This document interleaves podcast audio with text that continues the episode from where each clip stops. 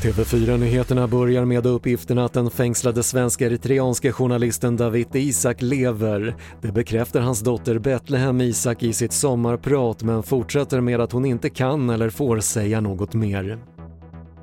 Två personer skadades allvarligt när de blev påkörda av en bil i samband med ett storbråk i Allingsås sent igår kväll. Tre personer har gripits och polisen säger att det är två kända grupperingar som har bråkat.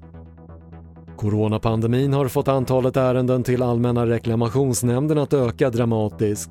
Reserelaterade anmälningar har under första halvåret ökat med 91% enligt nya siffror och totalt handlar det om drygt 14 000 ärenden.